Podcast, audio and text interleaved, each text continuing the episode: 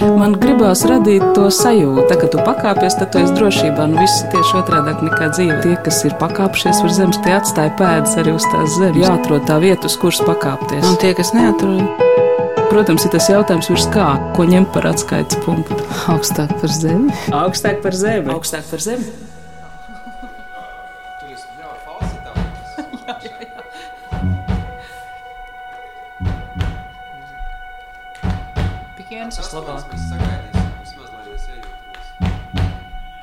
Es domāju, ka ilgi ierīkšu tas, kur. Tagad sāk. Bet var arī smūt. Lai viņš vēl tur bišķi kaut ko.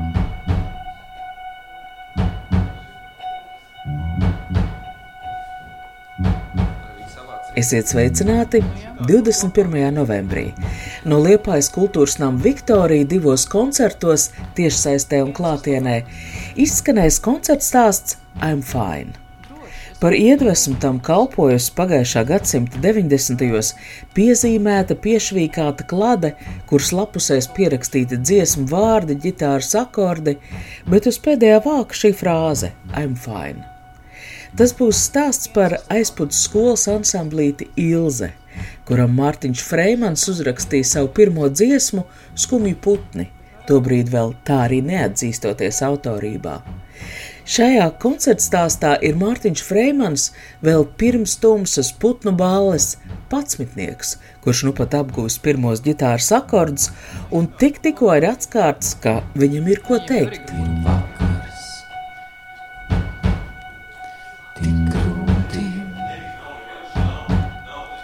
Ir saprast pašam sevi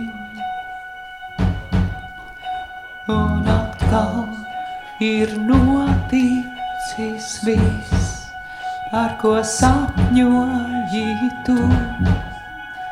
Ir pienācis vakars, es eju starp ēnām un redzu tik gaismu, ko atstāro ielas, tik drūmi.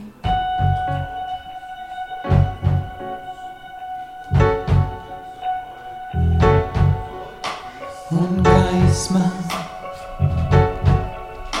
uz sienām. Pret tevi izstaro un atkal tu negribi būt ar mani šo nakt, kad ielas jau guļ, sevi mieru, kas neļauj tev norimt, tu centies notvert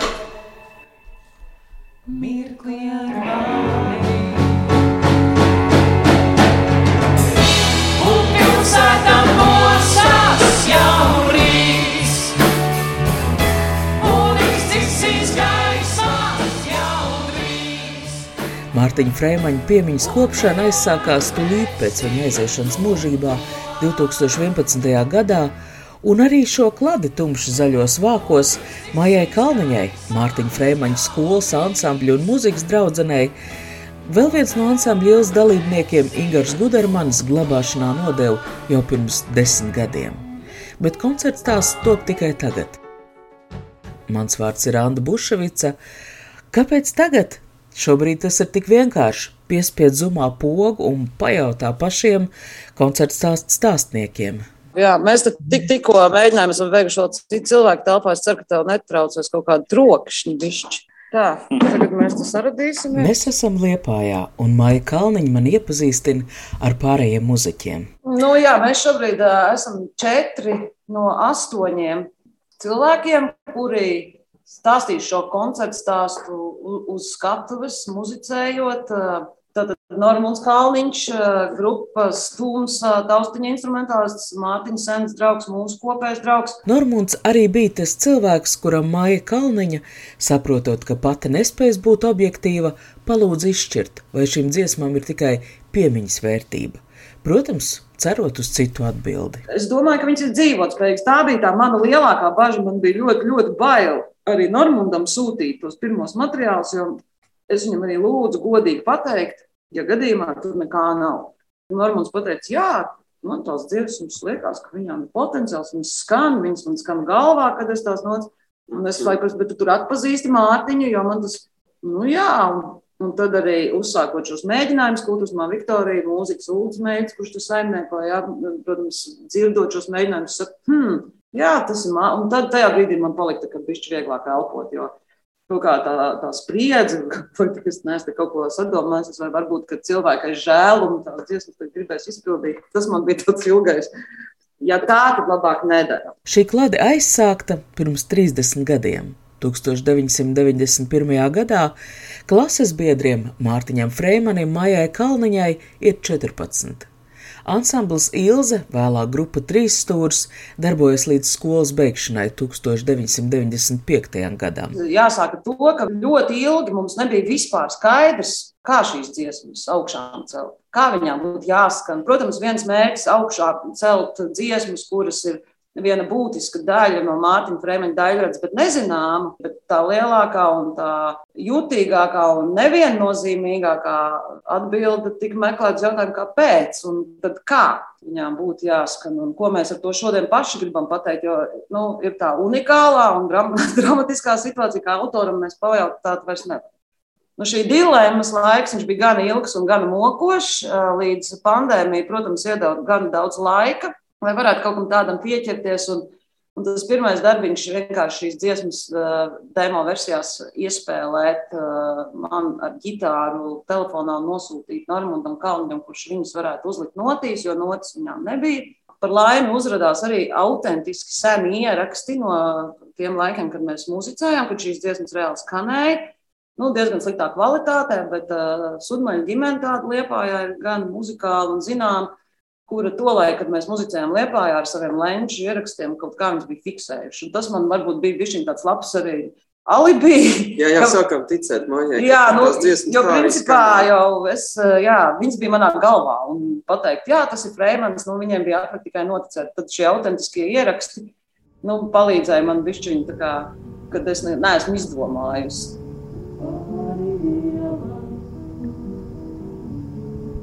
Neviens apēnu stāvā, stāvīja turnien. Domāju ilgi, varbūt man pieeja, pie viņa un prasīja, vai laiks jau klāt, varbūt, bet varbūt es kādreiz saskaitīs zvaigznes, varbūt mēs, bet varbūt jūs. Kādreiz nenokļūdīsiet. Un lūk, un tad, kad šis pirmais bija etaps veikts un nu, dziesmas bija iekusuši notīs un um, Un atlase, nu, tāda mēs bijām atlasījuši ar Normūnu kopēji tās dziesmas no tā kādām 40, apmēram 16. Tad pirmais likās, nu, jāiet varbūt tas ceļš, kas jau ierasts pēc mātiņa nāves, ka tie ir tie viņa daudzie draugi, un viņam ir ļoti daudz talantīgi draugu, kuri, nu, tad varētu šīs dziesmas dziedāt. Nu, es uzrunāju visus zināmos Latvijas mūziķus no, no šī Mārtiņa draugu lauciņa, viņi arī piekrita. Kaut kādā brīdī es nonācu pie tā secinājuma, ka mums nav jāiet tie ierastie tradicionālie ceļi, kuri ir iet pēc mātiņa nāves, ja mēs runājam par viņu mūziku. Jo šīs muzikālais materiāls, pie kura mēs šobrīd strādājam, tas ir tas materiāls, kas ir pirms tumsas, pirms putnu balles, pirms Mārtiņš Frēmans kļuva par superstāru. Un līdz ar to, izmantojot jau lietotos nu, teiksim, veidus, mēs zināmā mērā atņemt to iespēju parādīt Mārtiņu ne, neteiksim savādāk, pašmērķīgi, bet um, izcelt kaut kādas viņa kvalitātes un viņa domāšanas veidu un sapratni un nesapratni, kuru iespējams viņa pop dzīve noēda mazliet. Nu, tā kā tas arī normāli. Viņš kļuva populārs un rakstīja hitus un, un darīja to ļoti labi. Bet visa sākumā ir viens aizpūts, 14, gadīgs, 15 gadīgs čalīts, mans klases biedrs un mans dombiedrs tajā laikā, kurš uh, sāks rakstīt dziesmas, darīt to vēl nedomājot, ko pieprasa pasaule. Viņam nebija producenti, viņam nebija viss apkārtējie, kas viņu virza uz kaut kādu popzvaigznes to atstrādāšanu. Līdz ar to, nu, kā mēs visi tajā laikā, mums bija mazāk svarīgi, ko pasaule no mums grib, mums bija svarīgi saprast, ko mēs gribam no pasaules. Un līdz ar to nu, Zanda, Zanda nu, gribētos arī teikt, pašsaprotami. Mājas pieteiktie ir Zanda Strauss un Roberts Dinters. Tad varbūt ir ļoti svarīgi, ka šajā komandā ir cilvēki, teiksim, Roberts. Viņš vairākas reizes man pirms mēs sākām darbu uzdevuši jautājumu, kāpēc tu man te esi aicinājis. Jo varbūt es kaut ko tiešām pārpratusi, jo man ar Mārtiņu nebija nekāds kontakts. Un, godīgi sakot, arī nevienmēr uz to viņa mūziku esmu sapratis savulaik, pat ļoti nē. Mums pamazām vēl pievienojās Ieva Tālberga. Liepājā ieradās arī ar Mārtiņu pirmajiem albumos arī kopā strādājusi. Un arī viņa, kā savulaik ar ļoti folk uh, mūziku nodarbojosies un arī pasauli pēta, viņas pienesums ir gan svarīgs. Un tā mēs te savilkāmies gana daudzkrāsaina komanda ar ļoti dažādām pieredzēm. Es šajā komandā esmu visneprofesionālākā mūzikas ziņā, bet nu, man ir izcili profesionāli. Piemēram, mums ir kontrabassists Raitas Elers, kurš atkal ir nu, orķestra dalībnieks. dalībnieks. Jā, nu, pie ritma mums tik, ir Kaspars Boroduško, kurš ir bijis Tumsas bundzinieks un Mārcis Zilmans. Nu, tā kā Bet, Robert, jūs sapratāt, kāpēc jūs uzaicinājāt? Vēl, vēl es īsti. Viņā ir kāds, kaut kāds frēmaņa kods iekšā. Nu, es tieši tā kā to tā frēmaņa kodu, es domāju, ka tas frēmaņa kods un tā arī tāda bišķiņa, nu, viņa tāda nonivelēta lieta. Ļoti skaisti ceļu gājējs ir Roberts. Viņš arī ir Austrijas bērns. Viņš ir labākais Latvijas ģitāristiem un roka mūzikā dzirdams. Viņam ir visādi interesanti projekti un tas tā dzīvība, ar kādiem viņš katram ir pieķēries. Nu, es ļoti gribēju, lai tā dzīvība ir arī šajā Un tāpat laikā tieši tas aspekts, ka viņā nav tas varbūt frēmaņa fonds pirmajā brīdī, ko mēs saprotam. Roberts, Roberts nebaidās eksperimentēt. Tas, man liekas, tas svarīgi. Tāpēc jau arī Roberts mēs iesaistījām, lai viņš ir tāda pilnīgi brīžiem neprātīga pieeja kaut kā savā mērķē ieliek kāds gabals arī. Maija Kalniņa piesauc roku un austras bērnus, kas vairāk ir liepais muzikas dzīves vizītkartes. Kādas tolaik 90. bija liepais aizputs muziķa attiecības? Kādi muzikālie strāvojumi ietekmēja aizputs vidusskolniekus? Mēs bijām aizputnieki, un mums nedrīkstēja jaukt raustus bērniem, ko mums dažreiz jauca. Mēs bijām ļoti nikni, ļoti dusmīgi, jo mēs kāds sakas mums rausti. Bet, protams, pirmās dziesmas mūsu repertuārā, gluži kā daudziem tajā laikā, bija Imants Kalniņš, Raimonds Pauli un citas tādas nu, populāras dziesmas. Bet tas, ko mēs ātri sapratām, ka mums ir pa īsu ar to. mums nu, vajag tās savas. Un, Pat ne savas tāds, um, uzstādījums, kad komponēsim, jau nebija. Un tad vienkārši, jā, un tad šie slavenie skumji putni, šis stāsts, ka mātiņš, es dabūju vienu dziesmu. Un, uh, Jo bija arī tādas dziesmas, kuras tika padotas tālāk, kuriem pat autors nezināja. Mēs pat arī neinteresējamies, kas par autoru tajā laikā. Galvenais, ka paņem tā dziesmu, ka ir tik pa lietu. bija tā, tā dziesmnieku saucamā folklora, kur uh, bija ka viena dziesma kaut kur tu dzirdi, tu viņu iemācies, godīgi sakot, iemācies kaut kā vēl par savām, bez tam, kad, kad jau kāds varbūt pat autors viņu dzird, viņš saprot, laikam nav manējā. Ja? Nu, tā, tā tās dziesmas klejoja, ceļš tais 90. Nu jā, mūsdienās ir autora atlīdzības un aka laka un viss šie, tas, tad, tad jau tas tik vairāk vai mazāk tomēr sakārtots. Bet tajos laikos jau neviens neuztraucās. Dzied dziesmu un mērķi. Jā, un šie skumi putni pat neradīja aizdomas.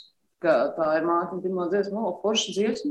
Jautāju arī par šo saglabājušos grupas ilzi ierakstu, kas tapis 1993. gadā.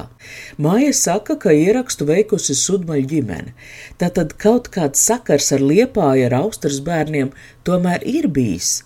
Kristīna Sudmala ir viens no uzticamākajiem Austrijas pumpurs koncertu biedriem. Kristīna Sudmala, kur tolaik bija Sudmala, tagad Loci, viņa darbojās Grobiņas bērnu un jauniešu centrs. Es nezinu, kā viņa bija pamanījusi to mūsu muzicēšanu un to mātiņu, bet viņai bija konkurss mana dziesma, kur piedalījās visādi jaunie izpildītāji ar, ar sacerētām dziesmām. Un tā kā tad jau mums bija repertuārā tikai mātiņas dziesmas, mēs nokļuvām uh, Grobiņā.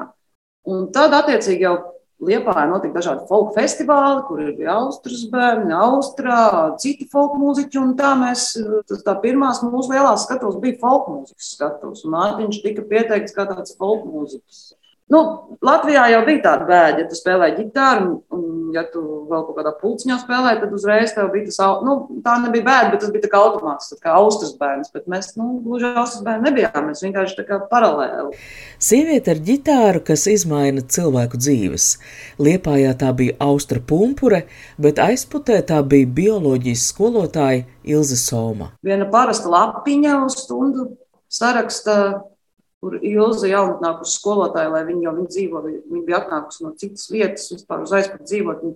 Vakaros, eh, lai piepildītu savu laiku, viņa piedāvāja mums aizpūtu jauniešiem, nu, apgūt ģitāru spēli. Tu ieraugi parastu lapiņu, kur ir rakstīts, tu aizēji, un tajā brīdī jau tev neliekas, ka notiek dzīves lielais pagrieziens. Ilze, muzikāla bioloģijas skolotāja, iemācīja mums uh, sākotnēji ļoti palielam pulciņam, pirmos akordus trīs, un tad jau atbīra diezgan daudz, bet viņas loma, protams, viņa gan īsu laiku bija aizputē, un tad, kad viņa aizgāja no skolas, tad mums, mēs nosaucām Ansonu par ilzi, ja tur arī bija savs protests, jo viņai bija kaut kādas nesaskaņas ar skolas vadību, man liekas, un pat, pat tā kā palūdza aiziet, bet tad mēs nosaucām viņas vārdā, grupa Ilze un muzicējām un nepieņēmām nevienas vokālos pedagogus, kur mums tur nāca, ka vajadzētu tomēr kādu vadītāju pieaugušo. Mēs nē, Mārtiņš pats tā kā tika ierakstīts kā šīs ansambļa vadītājs, un viņš bija vienīgais nepilngadīgais vadītājs, ko proti tajā stāstā, jo, kad visi jautāja, kur tad ir tas jūsu nu, grupas vadītājs? Nu, Mārtiņš, nu, viņš tur stāvēja saplēstos džinsās, tas jau tā puika. Nu, tā mēs tā ilzi mums bija tā kā Kas ir arī ļoti interesants, tas ilgas motīvs, protams, Mārtiņa dzīvē, jo grupu viņš nosauc par ilzīm. Nu, tad arī māsa ilga vēlāk piedzima, un arī ilzēs viņš aizlidoja. Nu, tā kaut kā. Pseidonīms. Ah, jā, un pseidonīms Ilza Melna, viņam tā ir arī, jā. Ilza Soms, jā, tā kā pareizi saka, sieviete ar ģitāru, pat ja viņa bija īsu brīdi, viņa, mm -hmm. tad mēs bijām kādi desmit cilvēki, deviņi. Tad atbīra diezgan daudz. Mēs palikām trijotā un sapratām, ka grupa ilgas un trīs cilvēki tas skan jocīgi. Mēs nosaucām sevi par trīs stūri, jo mums likās arī tā ilga bišķiņa jau tāda banāla. Grupa trīs stūris likās, nu tas ir kaut kas jaudīgs, spēcīgs. Tad mums aicināja tā kā uz UTT, jau uz liepāju, bišķiņu, tad mēs ar elektriskajām gitārām paniek, lai mēs neko no tā nesaprotam. Tas ir tas, ko šodien nevarētu izdarīt.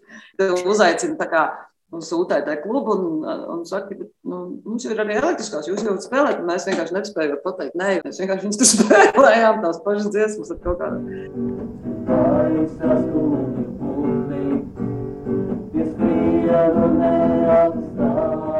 Skumju putni Mārtiņa Freimaņa pirmā sarakstītā dziesma Ansambli Milze.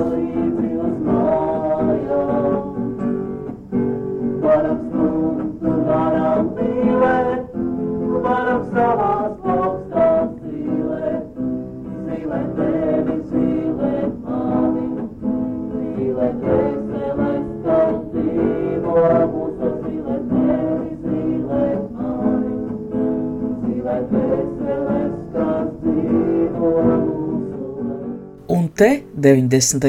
rakstītais jau šo laiku koncertu stāstā. Tas gan nav vēl tīraksts, pagaidām vēl tikai notiek mēģinājuma process. Gaidi rītu, lai atkal gaidītu,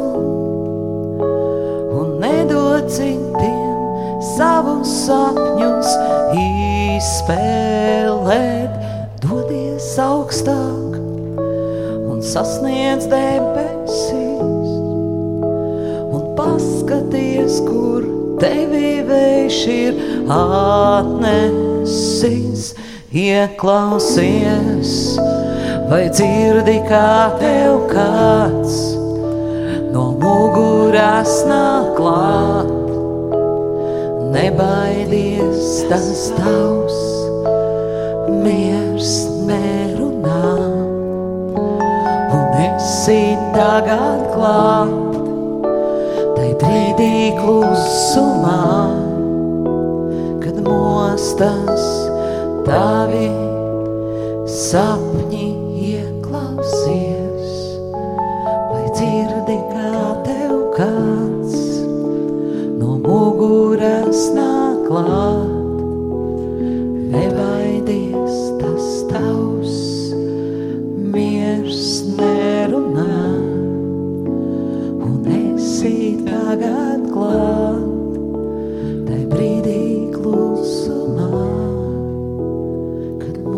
No dziesmām šūpuļu dziesma.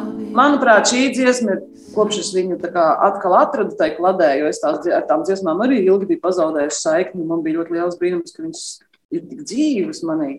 Un šī dziesma man šodien ir skaidra kaut kāda, ka Mārtiņš viņu rakstīs pats sev, kā tādu mierinājumu mantru, ieklausies un nebaidies no tā spēka, kas nāk ar tevi runāt, un tas vedīs tev tālāk un nedod citiem savus sapņus. Un, Un varbūt man tur ir tāda diezgan smeldza šajā dziesmā, jo man šķiet, ka daži tie viņa sapņi tomēr viņš ļāvis sev nozagt, bet nu, ceļa dziesmu, šūpu dziesmu sev veltīs. Dziesma, tu skani. Tu esi manā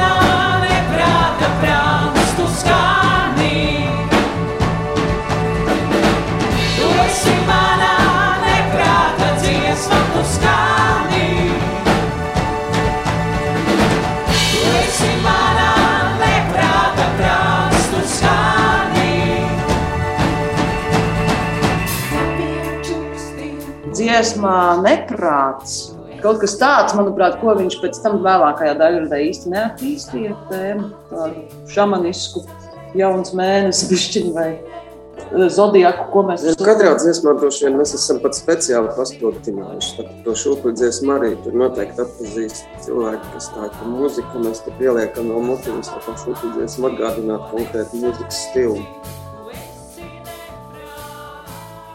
Maija Kalniņa vēlāk pielabo pašas teikto, dziesmas pareizais nosaukums ir neprāta dziesma. Dziesma neprāts ir mazliet cita grupas putnu balva pirmajā albumā. Kāds ir tas mērķis? Jūs gribat parādīt kaut kādas paudzes, to mūzikas avotu sajūtu. Arī, jo, redz, ja tās būtu droši vien mūsu autora dziesmas, mēs jau bēgtu un teikt, ka mēs taču neesam ietekmējušies no viena. Bet tā jau nav. Mēs visi ietekmējamies, un Mārtiņš arī. Un tad jautājums, tad, kad mēs pamanījām, ka nu, izteikti re, tur ieskanās tas, tas, ko to darīt, to īsti nevar notušēt, jo tas atkal kļūst plakans. Nu, tad mēs eh, izmantojam tādu daudz nu, tā spēlēšanās metodi, Ļaujam, lai arī šis te, te atsauce uz laiku, lai viņi tur noskan. Visnotaļ noteikti šajā programmā būs ne tikai viena cilvēka sakāmais pasaulē un pirmās dziesmas, bet tas būs arī tāds 90. gadu laikmets stīgi. Mēs viņām ļāvām skanēt. Idejiski. Tā vajadzētu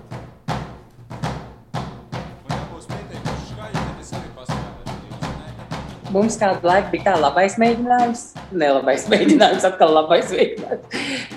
Runājamais nu, mēģinājums. Runājamais mēģinājums. Ir tā, ka vairāk darbojās Ieva Talberga, ļoti um, tā bija izpētījusi šo te materiālu. Protams, ne Maija viennozīmīgi, un tad, un tad jau, kad ir pavisam slikti, es saku, Norbund, tagad tu, kas tur jādara? Nu, var sakot, mēs mēģinājumos arī eksperimentējam, mēģinam katru to skaņdarbu sajust. Es nācu uz mēģinājumu kaut kādām dziesmām, man bija vīzija, cik viņa ātri vai kāda viņa būs. Un tad, kad man pretī ieva, piemēram, pilnīgi citu skatījumu, kad es uzskatīju, ka dziesmai jābūt ātrai, viņa pasaka, nē, tad pilnīgi lēni. Un otrādi, un ik, ik pa laikam šitā, kad pilnīgi dažādi to dziesmu var izpildīt. Un izrādās, tas ir normāli. Būt ātrais lēni un lēnais skaņdarbs ātri, visādi var transformēt to dziesmu. Tas bija tāds pārsteigums, kad mēs mēģinājām. Jā, ka tās dziesmas um, joprojām nekad nebūs pabeigtas, jo viņas var būt vēl citādi. Jā, tieši tas bija tas, kas nevis kaut kāds atklājums par Mārtiņu bija, bet um, ka dziesmas, kuras ir dzirdētas sen, sen atpakaļ, nu, varbūt daži pat labi nav palikusi vispār atmiņā, un tās var ieskanēties kaut kā pilnīgi savādāk un ar pilnīgi citu nesienu un pilnīgi citu atmosfēru īstenībā. Nākamo mēģinājumu katru mēs pārspriedām, kurš kur dziesmu pa nakti ir, tā teikt, uz, uz rīņķi griezis sev galvā. Jo ir tās dziesmas, jā, kad viņas pa nakti neliek mieru. Konkrēti dziesmu vien tev paņem un tur visu nakti. Šobrīd 90. kaut kā atkal ir aktuāli. Gan kino, gan literatūrā top filmu par grupas jumpravu sākumu. Es prātoju, vai šis ir tas nu, laika posms, vecums, ka uzdrošinās pieskarties tām kaut kādām jaunības atmiņām, cerībām. Kāpēc tā kladīte tik ilgi gulēja? Tas, ko es tev vakar rakstīju, ka mums visiem šobrīd, nu, kā nu kuram, citam 30, 40, citam 50, un vai mūsos pašos ir dzīves tas 16 gadnieks, ko mēs gribējām toreiz, vai mēs to esam sasnieguši, kā mēs vispār attiecamies pret sevi tajā laikā. Ļoti jauns cilvēks šīs dziesmas ir rakstījis. Ja mēs šodien paskatāmies, man dēls ir pārauguši viņu un 14, 15 gadi. Tas mans personiskais, kāpēc tāda veca klāta tiek nopūsta putekļi, ir, ka man sevī pietrūkst tā 16 gadnieku šodien. Jo es saprotu, ka es kaut ko esmu varbūt pazaudējusi par to, vai varbūt Uh, ir laiks uh, atdzīvināt, jo tas ir tāds šarmants laiks, kurā mēs mazāk domājam, vairāk jutām, varbūt daudz vairāk sataisījām visādas ziepes, bet tas drives un tā bezbēdība un tā nekalkulēšana un tā, tā pietrūkst. Un varbūt tāpēc uh, Jumbrava un mēs katrs pūšam putekļus no saviem atmiņu albumiem. Man laikam viens no svarīgākajiem atklājumiem, kas, manuprāt, es negribētu teikt visiem, bet ļoti lielai daļai lielo meistaru, par kuriem esmu interesējies, nu, ka viņiem visiem ir šī ideja vācelīte, kur viņi uztur. Tu jau ieskicēji to, ka Mārtiņš ļoti bieži ir transformējis dziesmas. Un, respektīvi, ja katra dziesma, ja viņa nav iznākusi uzreiz, viņam ir bijusi kā varbūt ideja vācelīte kaut kam citam, un viņš ir atspērties. Nu, nekas netiek mests ārā, bet arī par visu netiek runāts. Un man šķiet, tas ir tāds skats vai atvilkni mājās kādam Man liekas, tā jā, pareizi. Tā taču jābūt. Jā. Vai dziesma skumju putni būs arī tikko tapušajā koncerta stāstā? Skumju putni būs noslēdzošā šīs koncerta stāsta dziesma, jo mēs ejam maķinīt to, to sižetu veidojam apgrieztā secībā.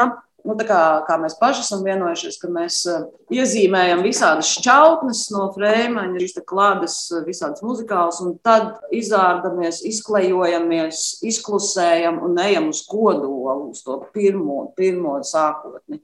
Mēs it kā aizējām līdz tam sākumam, lai varētu atkal sākties. Kā izskatās šī atkal atradusies klāde? Pāris fotogrāfijas varat redzēt Latvijas rādio mājaslapā pie šī raidījuma. I'm fine. Kāpēc tieši šai it kā neko nepasakošajai frāzei, daudzo kladas piezīmju dzējas rindu starpā, šoreiz piešķirta tik liela simboliska nozīme, liekot to koncertu stāstu nosaukumā. Tā bija arī mums kopēja. Mums ir daudz, kas kļuvis par tādu kopēju šī kolektīva, es nezinu, grupas, kā mums nosaukt šo grupu. Tas skaistais ir, ka mēs radām, domājam un radām kopā tie impulsi, kādam rodās šis te, domājot par to, kā nosaukt šo programmu, Mm, šķirstīju klādī, fotografēju kaut kādas detaļas no visādas inčīgas, jo tur ir arī diezgan daudz tādas bezskaunīgas lietas, kā jau skolēniem sazīmētas un visādi vārdi. Sarakstīts paralēli šīm dziesmām, nu viņi ir tāda tā kā tiešām tā, tā abra no tā, ko mēs arī visi radām šobrīd. Un es sapratu, ka atbildi ir jāmeklē tajā kladē, jo daudz atbildes tur ir atrast. Kopējā mūsu chatiņā, padaloties, ko tajā kladē tik nevar atrast, un vai var atrast kaut kā uzsēdāmies uz šī I'm fine. Jo ļoti jocīgi viņš ir atstāts teiksim, noslēdzošajā lapas pusē. Vienkārši uzšņāpts tāds I'm fine, fine, kā zināms, fine ir arī fināls. Tajā laikā arī bija moderni, zināt, kaut kāds angļu izteiciens. Un arī šis te, nu, Mārtiņa fenomens, ka viņš kā tāds āksts, kā tāds klauns, ņēmies un jauc pēdas un ar visu to smiešanos un ļoti lielo dūlību, tur tā smeldze blakus. Un tas ir arī šodienas tāds, nu, latviski Tieši tāpat, ja tev jautā, kā tev klājas, mēs jau visi sakām, ka labi, fine, fine, kaut gan patiesībā jau galīgi tā nav. Paldies par sarunu Mājai Kalniņai, Normundam, Zandai Štrausai, Robertam Dinteram. Šo raidījumu veidoja Anna Bušvica, par skaņu gādāja Nora Mitspapa. Koncerts stāsts I'm Fine 4. pēcpusdienā tiešsaistē, pusaustoņos vakarā klātienē Liepājas kultūras namā Viktorija 21. novembrī.